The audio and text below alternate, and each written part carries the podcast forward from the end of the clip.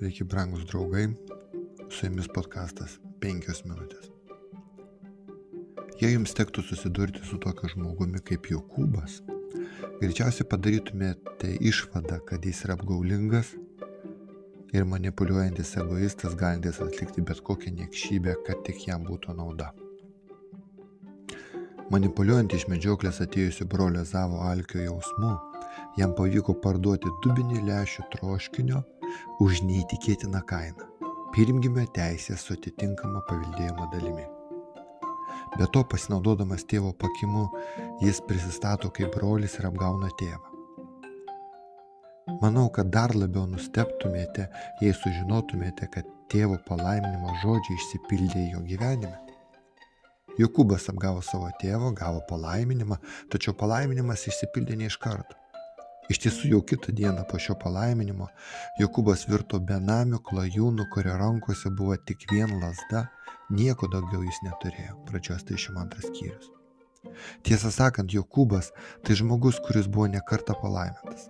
Biblijoje kalbama apie mažiausiai penkis Jokūbo palaiminimo atvejus. Kitą dieną po apgaulės Jokūbas buvo pakviestas tėvų Izaoko ir Izaokas palaimino jį prieš iš pat išvykstant į Haraną. Tai buvo tie patys palaiminimo žodžiai, kuriuos Dievas davė Abraomui. Pradžios 28 skyrius nuo tačios eilutės. Te laimina tave Dievas visagalis, te padaro tave vaisingą ir gausų, įdant tauptum tautų bendryje. Tie suteikė tau jis Abraomo palaiminimą, tau ir tavo palikonėms, įdant paveldėtum kraštą, kuriame dabar gyveni kaip ateivis, kraštą, kurį Dievas davė Abraomui. Naktį pas Dievas pasirodė Jokūbui ir palaimino jį. Tai buvo laiptų ant žemės einančių dangų regėjimas. Dievo angelai kilo ir leidosi laiptais, o viešpats atsistojo viršuje.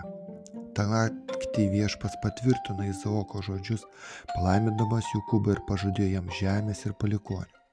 Viešpats taip pat išreiškė tai, ko nepasakė Izaokas - Abraomo palaiminimo mesijinę dalį tavyje ir tavo palikonėse bus palaimintos visos žemės gentys. Pačios 28 skyrius Jorieno vertimas. Tai vyko Lūzė, kurį Jokūbas pavadino Beteliu, kuris reiškia Dievo namus. Čia jis duoda savo pirmąjį pažadą Dievui, iš viso to, ką man duodi, atsikeisiu tau dešimtinę. Pradžios 28 skyrius. Ši naktis Jokūbui tapo prieiškimu. Jis sužinojo, kad Dievas visada yra šalia ir nepaliks jo. Po 20 metų Haranė Labano namuose, kuris pasirodė esas net nesažingesnis už Jokūbą, jis vėl sutiko Dievą. Šis susitikimas taip pat vyko naktį ir taip pakeitė patriarą. Jokūbas buvo pakeliu į Kananą, o Zavo su savo kariuomenė ėjo link jo. Jokūbas prisiminęs brolio grasinimus labai išsigando ir meldėsi Dievo, kad jis būtų apsaugotas ir tą pačią naktį, kai jis buvo vienas, kažkas kovojo su juo iki paryčių. Jokūbas pasiliko vienas. Tuomet kažkoks vyras grūmėsi su juo iki pat aušros. Matydamas negalis jo įveikti, tas vyras taip sudavė jam iš launies įdubą, kad Jokūbo šlaunis jam besigalinėjant su tuo vyru išsinarino. Tuomet jis tarė, paleis mane, nes jau aušra. Bet Jokūbas atsakė, paleisiu tave tik tada, kai mane palaiminsi. O tas paklausė, ko tu vardu? Jokūbas, atsakė šis. Anas tarė, nuo šiol tavo vardas bus nebe Jokūbas, bet Izraelis, nes ėmėjusi su Dievu bei žmonėmis ir nugalėjai. Pradžios 22 skyrius. Ryte, šlubas bet palaimintas, Jokūbas nuėjo pasitikti Ezavo. Jis buvo išmokęs pamokas. Pamokas, kurias teko išmokti apgau, apgavy, per apgavystės. Iš tolo pamatęs Ezavo Jokūbas septynis kartus nusilenkė atgailaudamas dėl savo ankstesnio elgesio, o Zavas, kuris anksčiau grasino nužudyti brolį, pribėgo prie jo ir parodė broliškas meilės jausmas. Jokūbui buvo atleista. Kad ištaisytų savo blogą charakterį, Jokūbas turėjo praeiti sunkų kelią.